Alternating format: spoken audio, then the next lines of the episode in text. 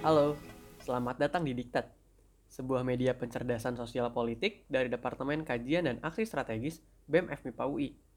Diktat merupakan akronim dari diskusi bareng Kastrat yang merupakan ruang diskusi antara Kastrat dengan narasumber yang oke banget di bidangnya untuk membahas, mengkritisi, atau menyikapi isu sosial politik, khususnya isu lingkungan hidup, baik dalam skala UI, Indonesia, ataupun global, melalui media podcast. Tanpa mengulur waktu lagi, mari kita simak diktat episode pertama yang akan membahas mengenai ancaman kerusakan lingkungan hidup akibat pembangkitan energi listrik berbasis batu bara. Langsung saja kita menuju ke diskusinya. Selamat mendengarkan.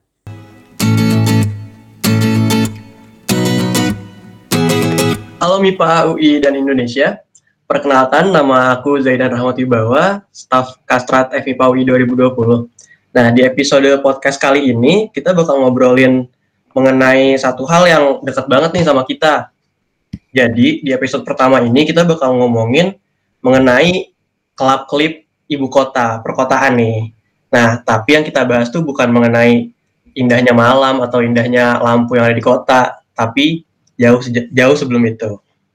Nah, untuk membuka episode pertama ini, uh, mungkin akan saya perkenalkan dulu pertama-tama Uh, di sini saya bersama dua orang narasumber yang akan berbicara mengenai topik kali ini yaitu PLTU Batubara. Yang pertama uh, ada Bang Merah Johansyah sebagai Koordinator Nasional Jaringan Advokasi Tambang atau JATAM. Uh, mungkin boleh memperkenalkan diri secara singkat dulu, Bang. Halo, saya Merah Johansa dari Jaringan Advokasi Tambang sebuah organisasi yang bergerak melakukan pendampingan, melakukan advokasi, kampanye di tingkat akar rumput bersama masyarakat korban eh, daya rusak dari pertambangan batu bara salah satunya di Indonesia. Hmm, baik baik. Nah selanjutnya uh, untuk narasumber kedua kita ada Mbak Olan Sahayu sebagai pengkampanye Kanopi Bengkulu sekaligus uh, sebagai warga terdampak dari PLTU Bengkulu. Boleh uh, mungkin perkenalkan diri singkat dulu, Mbak? Ya, halo, nama saya Olan Sahayu. Saya juru kampanye energi di sebuah organisasi yaitu Kanopi Hijau Indonesia, itu di Bengkulu. Organisasi ini bergerak di bidang lingkungan, terutama sekarang itu kita uh, menolak energi kotor. Hmm, oke okay, baik. Nah, uh, tadi setelah perkenalan singkat, mungkin untuk membuka diskusi kali ini, agar jelas kondisinya bagaimana, mungkin kepada Bang Merah dan uh, Mbak Olan, boleh sebel, uh, sebelumnya bercerita dulu bagaimana sih uh, Bang, Mbak, kondisi sebenarnya di lapangan mengenai PLTU batubara ini. Ya, uh, boleh. Nanti mungkin kami saling melengkapi saja uh, mengenai potret hulu dan hilir dari batu bara, dari energi kotor yang disebut batu bara ini. Uh, mungkin saya bisa cerita dulu soal hulunya. Jadi batu bara ini kan dia tidak tiba-tiba muncul, teman-teman ya. Jadi batu bara ini tidak begitu saja muncul. Batu bara ini adalah uh, adalah salah satu energi yang selama ini Eh, banyak dilabeli oleh banyak pihak sebagai biang kerok dari krisis iklim, bahkan krisis lingkungan hidup ya. Dan juga banyak sekali potensi pelanggaran hak asasi manusia, penggusuran, pengusiran dan seterusnya di balik dari cerita batubara ini. Jadi eh, di dari cerita gemerlapnya lampu-lampu yang dinikmati oleh teman-teman yang berada di perkotaan itu semua ternyata berasal dari batu bara. Satu energi yang ternyata juga eh, dibongkar dengan cara-cara atau dengan ongkos yang tidak murah sangat mahal. Di baliknya adalah ada pelanggaran HAM di baliknya ada penggusuran di baliknya ada pencemaran ya. Pencemaran lingkungan di baliknya juga ada krisis yang akan nantinya berkontribusi terhadap krisis uh, global yang disebut sebagai krisis iklim. Nah, uh, batu bara seperti saya sampaikan tadi itu tidak lahir begitu saja, dia adalah satu komoditi yang eh, apa terbentuk secara alami ratusan ribuan tahun di dalam tanah eh, sebagai bagian dari energi fosil. Ya ratusan ribuan tahun terbentuk lewat proses eh, kimiawi di dalam tanah. Kemudian dibongkar dikeruk dijadikan sebagai sumber energi tapi ada yang dilupakan bahwa uh, energi batu bara ini, batu bara ini adalah komoditi yang tidak bisa diperbaharui. Jadi kalau dia habis, maka dia tidak bisa datang lagi. Butuh waktu yang panjang, ratusan ribuan tahun lagi untuk mendapatkan batu bara ini. Nah, celakanya model produksi dan konsumsi energi kita itu sangat serakah, sangat rakus sehingga eh, apa komoditi energi batubara ini dieksploitasi sangat besar-besaran paling tidak beberapa dekade terakhir eh, untuk memenuhi eh, model pembangunanisme di banyak tempat untuk memenuhi kebutuhan pasar bahkan di luar dari kepentingan kebutuhan dalam negeri sendiri. Jadi eh, Indonesia itu adalah produsen keempat batu bara dunia yang paling banyak mengekspor atau menjual batu baranya keluar. Ya setelah Tiongkok ya setelah Amerika Serikat dan setelah India. Padahal sebenarnya cadangan batu bara kita itu hmm, tidak banyak. Yang paling banyak itu malah Rusia Cina Amerika ya. Tapi untuk urusan menjual urusan mengeruk urusan mengobral urusan memproduksi batu bara itu luar biasa jor-joran. Nah, jadi tidak ada pertimbangan terkait eh, apa memastikan eh, energi ini bisa berkelanjutan ke depan karena ini energi yang tidak mungkin bisa ada lagi ya karena dibongkar. Dan dibalik dari pembongkaran besar-besaran itu seperti tadi ada pencemaran, ada penggusuran kampung-kampung masyarakat, ada pelanggaran hak asasi manusia, bahkan ada perusakan lingkungan hidup dan juga menyumbang krisis iklim. Nah, kemudian batu bara itu dibakar lewat pembangkit-pembangkit listrik ya. Setelah dibongkar lewat penambangan, kemudian dibakar lewat pembangkit-pembangkit listrik. Nanti uh, mungkin Olan bisa menambahkan soal seperti apa uh, dampak atau daya rusak ketika batu bara itu dibakar.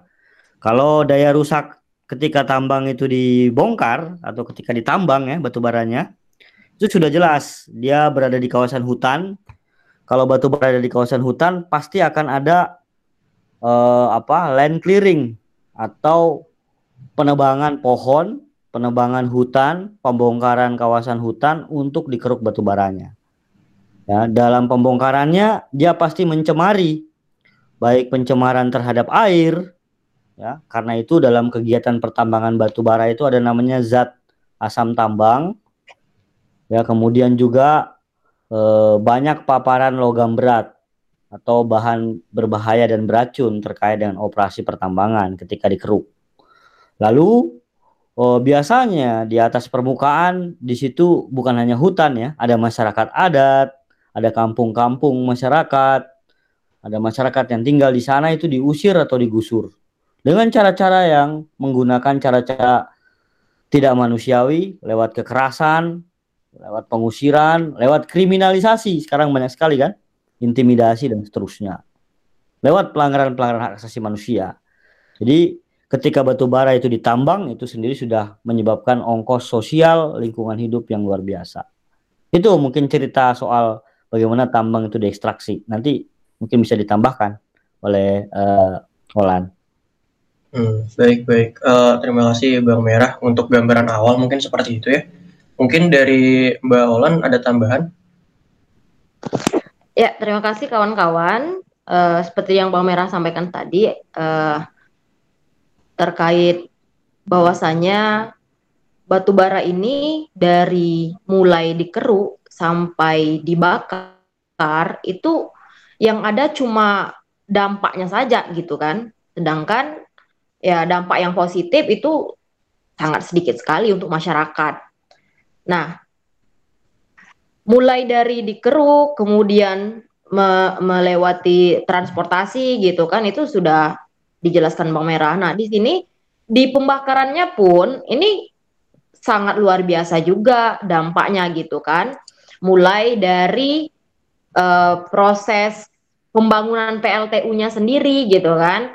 Mulai dari pembangunan PLTU-nya sendiri itu tuh ya terjadi banyak sekali pelanggaran seperti yang Bang Merah sampaikan tadi mulai dari uh, apa pembebasan lahan yang tidak manusiawi gitu kan, yang tidak manusiawi, kemudian juga berdiri berdiri di uh, zona merah rawan bencana seperti yang di Bengkulu gitu kan. Di Bengkulu itu ada PLTU Batubara Sepang.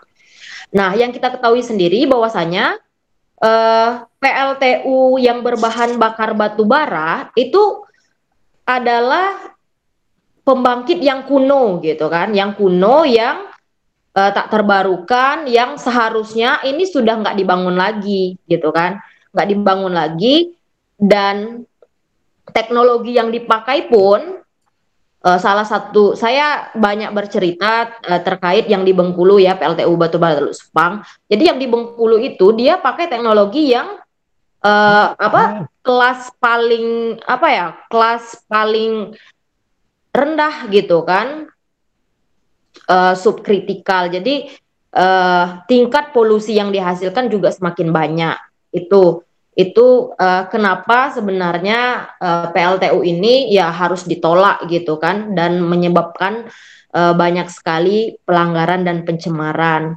Nah, bukan cuma itu saja di Indonesia ini uh, pemerintah kita justru malah sangat ketergantungan sekali gitu kan dengan batu bara, dengan PLTU.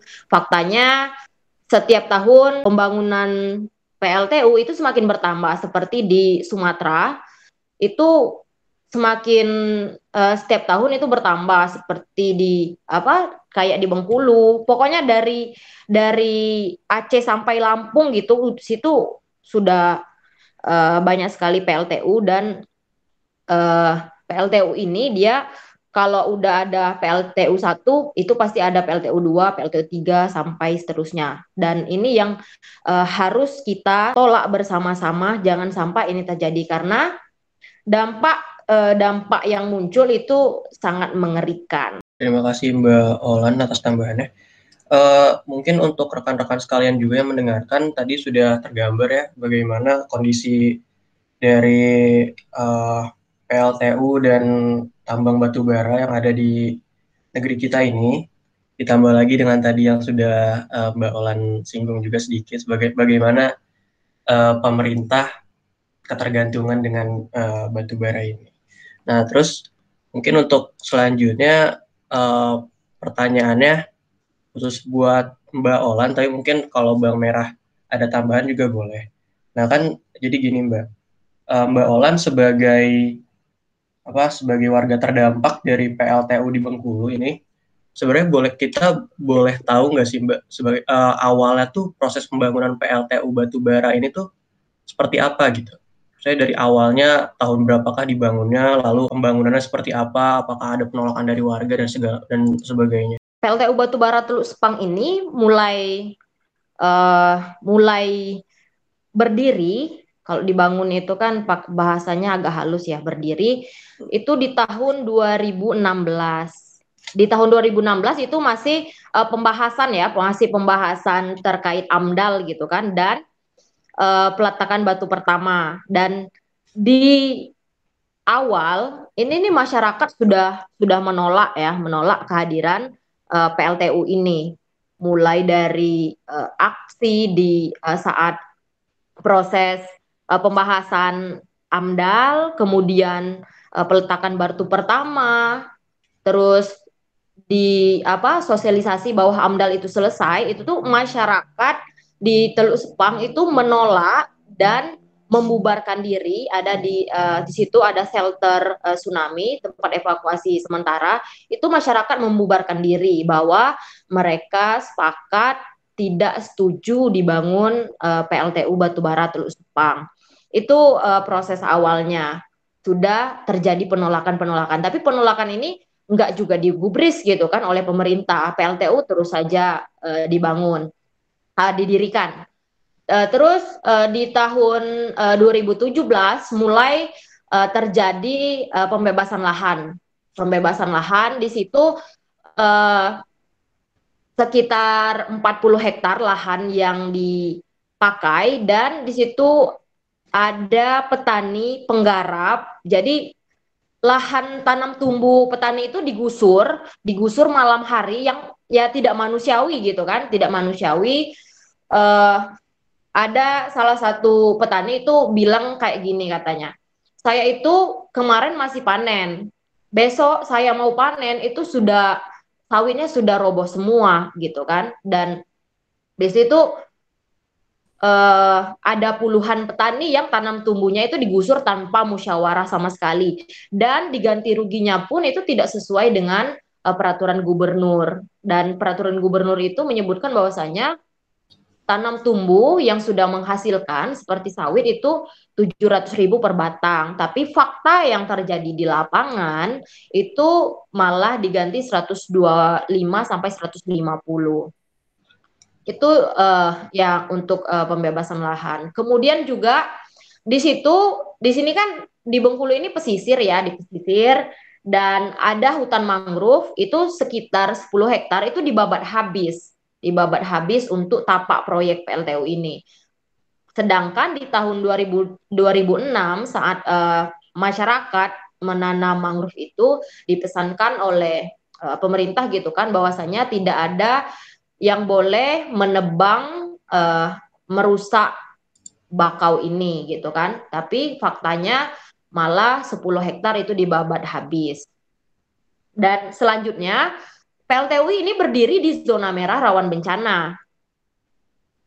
Uh, dengan dibuktikan ada juga peta dari apa BPBD, kemudian juga di uh, Kelurahan Teluk Sepang itu itu tuh berdiri satu shelter tempat evakuasi sementara bahwasanya itu sudah membuktikan bahwa wilayah itu tuh zona merah rawan bencana dan seharusnya PLTU ini tidak berdiri di sini. Dan juga uh, kita lihat dari peraturan gitu kan, peraturan daerah bahwasanya PLTU ini itu dibangun di Napal Putih. Napal Putih itu salah satu uh, desa yang ada di Kabupaten Bengkulu Utara. Sedangkan yang dibangun itu di Teluk Sepang, Teluk Sepang ini di Kota Bengkulu. Itu sudah sudah melanggar juga gitu kan, melanggar uh, peraturan. Nah, kemudian itu itu uh, rangkaian pelanggaran gitu kan, mulai dari sebenarnya uh, tenaga kerja itu di mana-mana pasti terjadi gitu kan, uh, konflik uh, tenaga kerja asing yang lebih banyak bekerja konflik dengan tenaga kerja lokal itu yang uh, di mana-mana itu terjadi. Kemudian uh, setelah ini berjalan, penolakan dari masyarakat itu terus juga berjalan gitu kan, tidak tidak henti-hentinya kita terus bersuara menolak PLTU ini. Dan uh, sampai kita ke pengadilan gitu kan, kita uh, men, me, apa me, menggugat PLTU ini di Petun Bengkulu. Nah, kemudian ini terus berjalan uji coba PLTU ini uji coba di bulan uh, September itu ada pemberitahuannya di bulan September mereka melakukan uji coba tahap pertama dan mulai uji coba itu di November di November mulai uh, mulai ditemukan penyu mati di sekitar di area pembuangan limbah limbah cair air bahang uh, eh, PLTU tersebut. Nah, saat uji coba yang keluar dari dari saluran tersebut itu tuh buih yang berwarna kecoklatan, baunya menyengat gitu kan dan dalam uh, apa jumlah yang banyak gitu kan, jumlah yang yang banyak itu terus keluar dari saluran pembuangan tersebut. Dan mulai tanggal 10 November sampai uh, di bulan Januari 2020 itu ditemukan 28 penyu yang mati di area tersebut dan sebelum sebelum sebelumnya puluhan tahun kita langsung nanya ke nelayan yang di situ gitu kan di situ belum pernah terjadi yang seperti ini dan uh, baru baru kali ini itu kan terjadi yang kematian secara beruntun. Padahal di di Teluk Sepang itu itu tuh emang wilayah penyu untuk bertelur. Nah, kemudian kita lihat nih dalam dokumen uh, amdalnya gitu kan kita lihat bahwasanya dokumen itu tidak uh, dokumen itu tidak menjelaskan bahwasanya wilayah itu adalah wilayah penyu untuk bertelur gitu kan di situ tidak disebutkan nah kenapa kita bilangnya uh, ya amdal ini cacat gitu kan dari salah satu aspek itu saja. Nah kemudian uh, pencemaran terus terjadi nih kan uh, pembuangan limbah terus terjadi. Kemudian juga dari cerobong dari cerobong itu uh, keluar abu yang berwarna hitam kecoklatan gitu kan walaupun ini masih uji coba. Dan setelah kita cek pun teknologi yang mereka pakai itu teknologi yang paling kelas paling rendah gitu kan. Kalau di tempat lain uh, teknologi sudah super ultra kritikal ini kita masih subkritikal yang paling paling rendah gitu kan. Yang kita ketahui bersama bahwasanya tingkat polusinya itu semakin uh, paling banyak gitu kan. Dan kita cek juga di uh, dokumen amdalnya itu bahwasanya kebutuhan batu bara yang akan dibakar untuk PLTU Teluk Sepang ini ada 2.734 eh, ton per hari. Nah, ini yang akan dibakar setiap hari dan uh, menghasilkan abu, menghasilkan abu terbang dan abu bawah. Dan di situ disebutkan bahwasanya mereka pakai ada alat penangkap abu itu namanya ESP itu uh, hanya efektif bisa menangkap abu 99,8 persen. Artinya masih ada 0,2 persen abu yang pasti keluar dari cerobong.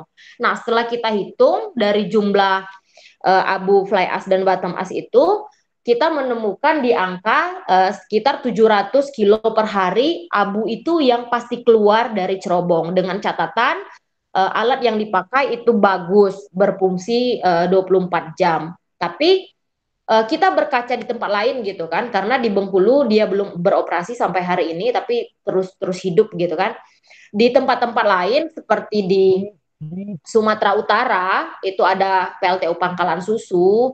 Itu tuh uh, di jam-jam tertentu abu yang keluar itu ya mengepul hitam terus gitu kan. Artinya teknologi yang dipakai itu entah rusak atau memang sengaja dimatikan gitu kan. Terus juga di di Lahat itu di Sumatera Selatan ada PLTU Keban Agung itu juga sama.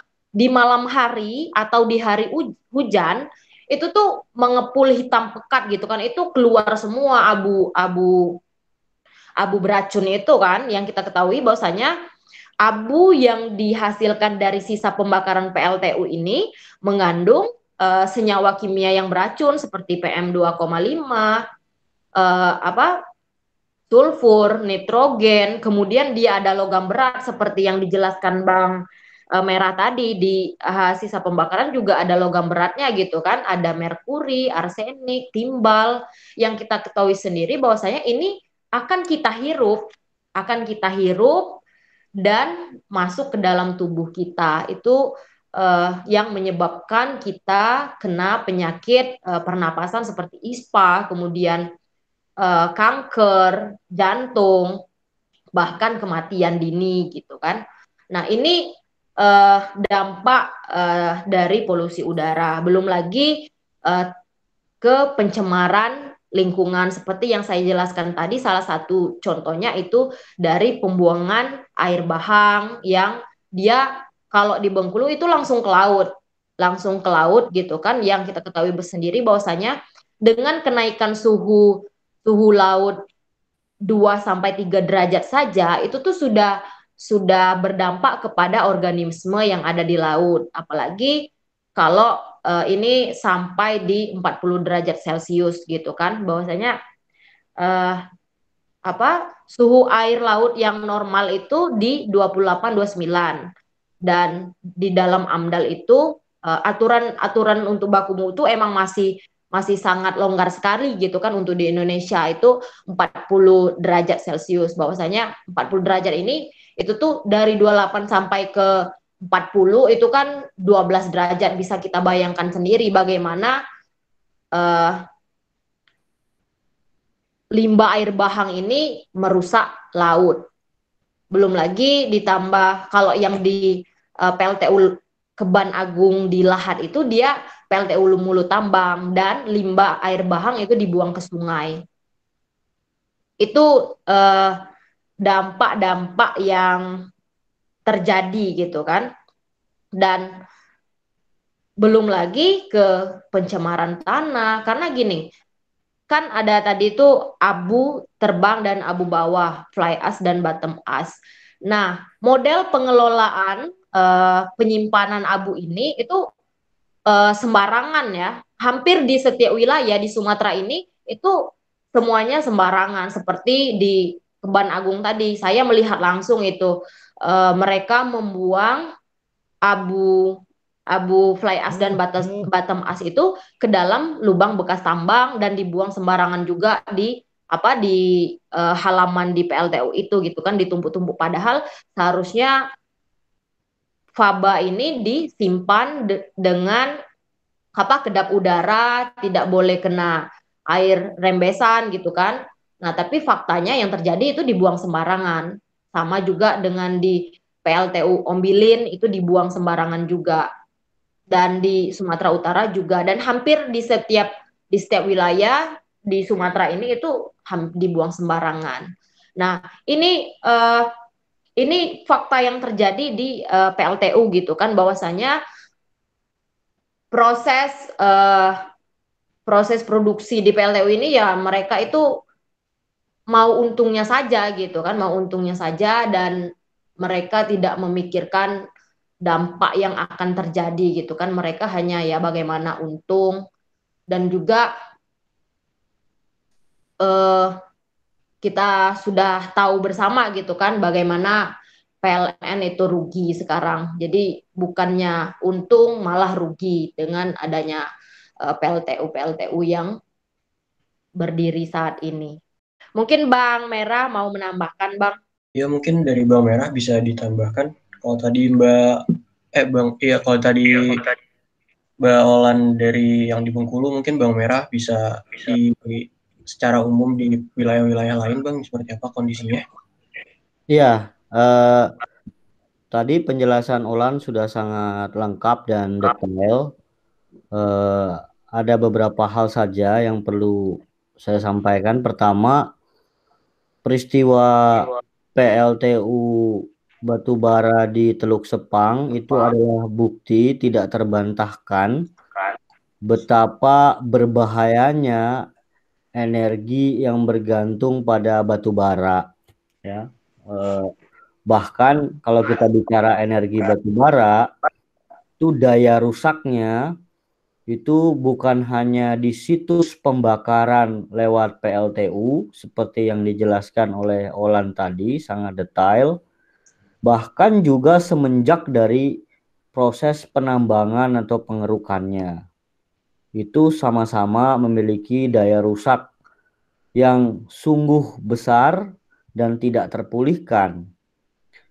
Kalau di proses penambangan batu bara itu ribuan tambang-tambang batu bara sekarang kurang lebih 3000 ya izin tambang batu bara di seluruh Indonesia terutama tersebar di Pulau Kalimantan dan Sumatera mayoritas mereka meninggalkan lubang-lubang yang tidak direklamasi, tidak direhabilitasi, tidak dipulihkan. Lubang-lubang ini ukurannya raksasa, besar-besar, luas-luas, dan juga mengandung zat asam tambang hingga berbagai macam logam berat. Ya, termasuk juga di situ logam berat mangan, termasuk juga logam berat besi, termasuk juga zat asam tambang. Itu juga ada dalam proses penambangan batu bara. Mereka juga menggusur banyak operasi pertambangan batu bara di kawasan eh, dekat pemukiman penduduk. Masyarakat diusir, digusur. Banyak kegiatan penambangan di kawasan hutan, hutannya ditebang. Kemudian masyarakat adat yang tinggal di sekitar hutan diusir menjadi pengungsi statusnya. Kemudian juga eh, pencemaran terjadi pada sumber-sumber air karena kegiatan tambang juga pembongkaran batu bara ini juga mengakibatkan pencemaran di air, termasuk juga di tanah, termasuk juga di udara. Nah, jadi eh, kalau digabungkan tadi cerita Olan bagaimana PLTU di batubara di Teluk Sepang dengan kegiatan penambangannya itu menunjukkan bahwa pertambangan apa eh, komoditi energi batubara itu bahkan melebihi energi yang bisa disebut sebagai kotor sekaligus maut karena sampai menyebabkan e, nyawa itu terancam. Kalau di operasi pertambangan batu bara sudah 39 anak-anak meninggal di lubang-lubang tambang batu bara di Kalimantan bagian timur. Banyak sekali e, orang meninggal di lubang-lubang yang tidak dipulihkan, tidak direklamasi tidak dilakukan rehabilitasi. Bahkan juga satwa-satwa ya, tadi diceritakan bagaimana apa penyu ya. Eh, habitat eh, endemik flora dan fauna endemik di suatu wilayah juga terancam, keanekaragaman hayati di suatu wilayah juga hilang gitu. Nah, itu banyak terjadi mulai dari hulu sampai hilir, mulai dari penambangan sampai pembakaran batu bara. Nah, jadi ini menjelaskan bahwa energi batu bara ini adalah energi yang maut sekaligus kotor. Yang kedua adalah eh, pemerintah kita ini nampaknya tersandra oleh oligarki politik batu bara. Karena itu tidak tidak ada upaya untuk melepaskan kecanduan atau ketergantungan terhadap energi maut dan kotor yang namanya batu bara ini. Padahal ada potensi energi lain yang jauh lebih bersih, jauh lebih adil, jauh lebih berkelanjutan ya. Karena energi dari batu bara tadi ongkosnya itu luar biasa mahal dan luar biasa merusak. Kita punya potensi energi angin. Indonesia itu dengan letak geografisnya punya potensi energi surya, punya juga potensi energi lain yang jauh lebih uh, ramah terhadap lingkungan. Tapi ini tidak dipilih karena dalam prosesnya uh, politik batubara itu selalu menggunakan cara-cara korupsi dan seterusnya untuk mendapatkan untuk melanggengkan ini. Nah, jadi tidak mengherankan misalnya uh, apa proses politik kita menjadi pintu masuk bagi langgengnya energi kotor dan maut seperti batu bara ini. Nah, kalau kita ingat film Sexy Killer itu menunjukkan bahwa aktor-aktor politik di Indonesia setiap politik elektoral tiba baik pilkada maupun pemilu itu disponsori atau didukung atau bahkan dia adalah pelaku langsung dari industri energi kotor batu bara sehingga uh, sumber uangnya dari sana. Ini yang terus dilanggengkan dan mengabaikan fakta-fakta lain bahwa ada sumber energi yang jauh lebih bersih. Jadi yang terjadi di di apa eh, komoditi energi batu bara itu seperti itu. Kita kecanduan dan terus dilanggengkan kecanduan itu, ketergantungan itu dan yang dikorbankan adalah lingkungan hidup masyarakat ya, terutama masyarakat sekitar yang menjadi tempat pengerukan maupun pembakaran batu bara itu yang biasanya dikorbankan uh, demi mendapatkan energi apa batu bara ini. Baik baik. Uh, terima kasih Bang Merah dan Bang Olan atas penjelasannya tadi mengenai banyak hal ya dari mulai mulai berdiri mulai dibangunnya sampai uh, pencemaran terhadap lingkungan. Cuma tadi ada satu hal yang saya uh, cermati dari apa yang Mbak Olan sampaikan mengenai AMDAL, Mbak. Apakah uh, kan tadi terdapat uh, hal yang tidak sesuai dan penolakan uh, segala macam. Terus di situ apa berarti apakah artinya masyarakat sekitar tidak dilibatkan dalam pembuatan AMDAL itu apa bagaimana? Ya, uh, pas di uh, pembuatan AMDAL itu uh, ada masyarakat yang yang menjadi apa ya uh, penilai AMDAL gitu ya, penilai AMDAL ada juga tapi masyarakat yang seperti apa kita juga nggak tahu gitu kan. Nah, tapi yang ingin saya jelaskan ke, uh, dulu itu jadi uh, proses pecah belah masyarakat pasti itu ya, proses pecah belah masyarakat. Jadi awalnya itu ada 10 tokoh masyarakat di Tulus Pang itu uh, mereka diajak untuk studi banding ke Jakarta untuk melihat langsung uh, PLTU batubara uh, PLTU batubara gitu kan. Tapi uh, fakta yang mereka dapat justru bukan melihat uh, PLTU langsung gitu kan bagaimana dampaknya, bagaimana PLTU itu beroperasi di uh, apa di daerah Pulau Jawa justru malah diajak jalan-jalan ke Monas gitu kan.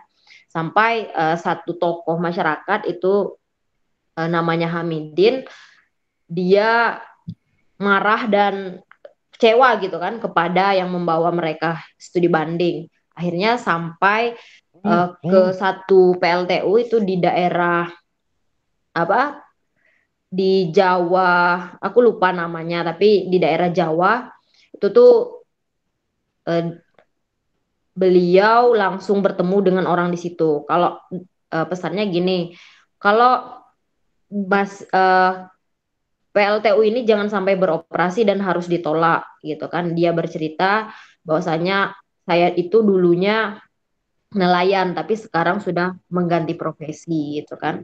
Nah, itu yang uh, yang didapat gitu kan oleh tokoh yang berangkat tapi itu proses pecah belah di situ terjadi akhirnya uh, tinggal beberapa orang tokoh saja yang terus di jalannya untuk melawan gitu. Nah terkait AMDAL tadi uh, ada ada yang diundang di uh, jadi penilai AMDAL gitu kan masyarakat. Uh, tapi masyarakat yang diundang ini kan biasanya uh, apa sih? Tunggu, aku lupa namanya itu. Pokoknya yang uh, toko apa? Penilai AMDAL ya. Uh, iya, bukan Bang maksudnya itu Pak Hamidin itu uh, apa ya namanya ya, yang untuk mewakili masyarakat itu loh, Bang. Mm -hmm. Mm -hmm. Jadi itu kemudian juga ada ketua RT, kemudian eh, ketua RW, kemudian ada juga lurah. Itu itu yang mewakili gitu kan. Terus ada organisasi masyarakat sipil juga. Tapi uh, di apa di penilaian ini juga ya gitu dia aku kurang paham ya kalau untuk teknis-teknis uh, penilaian AMDAL ini. Tapi menurut kawan-kawan yang ikut di dalam itu ya mereka hanya menuliskan poin-poin poin-poin apa yang apa yang tidak sesuai gitu kan bahwasanya kawan-kawan ini ya menolak dengan tegas tapi itu tidak tahu apakah itu dipertimbangkan atau tidak. Dan saat uh, penilaian AMDAL itu pun kita masyarakat itu menolak di luar gitu kan, melakukan aksi di jalan. Melakukan aksi di jalan. Tapi seperti yang kita ketahui bersama gitu kan, hal ini juga tidak digubris. Tetap saja mereka uh, keluar izin lingkungan gitu kan, tetap saja uh, dokumen AMDAL ini disahkan. Nah, terus setelah itu kita kita menganalisis nih, menganalisis uh, dokumen AMDALnya gitu kan sampai kita mengeluarkan ada namanya uh, laporan penyimpangan analisis dampak lingkungan PLTU Tulus Pang. Di situ yang saya ceritakan tadi bahwasanya banyak sekali uh, terjadi pelanggaran, ketidaksesuaian gitu kan antara yang di lapangan dan yang dituliskan di dalam AMDAL PLTU Batubara Tulus Pang ini. Dan juga pihak dari Ombudsman, Ombudsman itu juga sudah menyatakan bahwasanya uh, AMDAL ini terjadi maladministrasi, adanya maladministrasi gitu kan, penyalahgu, uh, penyalahgunaan wewenang itu da, penyalahgunaan wewenang uh, Bapeda, kemudian juga uh, kepala dinas lingkungan hidup. Karena sebelum sebelum membuat dokumen AMDAL itu ada dua syarat gitu kan, adanya uh, peta pipit, peta indikatif gitu kan. Nah, peta ini ada, kemudian adanya uh, rekomendasi tata ruang. Nah, di rekomendasi tata ruangnya ini uh, kita menganalisis bahwasanya di situ ada poin-poin uh, penting gitu kan yang disampaikan bahwasanya PLTU ini didirikan di zona aman bencana, tapi fakta di lapangan itu di zona merah bencana. Kemudian ada juga disebutkan untuk uh, mendukung uh, energi terbarukan gitu kan, mendukung energi uh, terbarukan dan mengurangi uh, ketergantungan energi tak terbarukan atau energi fosil. Tapi faktanya yang di, didirikan itu ya PLTU batubara yang berbahan berbahan bakar batubara dan dari dulu sampai sekarang batubara itu energi kotor gitu kan. Belum ada sejarahnya energi bersih itu. Itu kemudian juga uh, apa di di situ uh, di situlah makanya kenapa uh, keluar pernyataan dari ombudsman itu gitu kan bahwasanya ini ada adanya maladministrasi dari proses uh, yang dilakukan. Gitu. Jadi uh, dari dari apa dari mulai sebelum buat amdal pun ini sudah sudah banyak pelanggaran gitu kan apalagi sampai saat ini sampai uji coba dan jangan sampai ini beroperasi gitu kan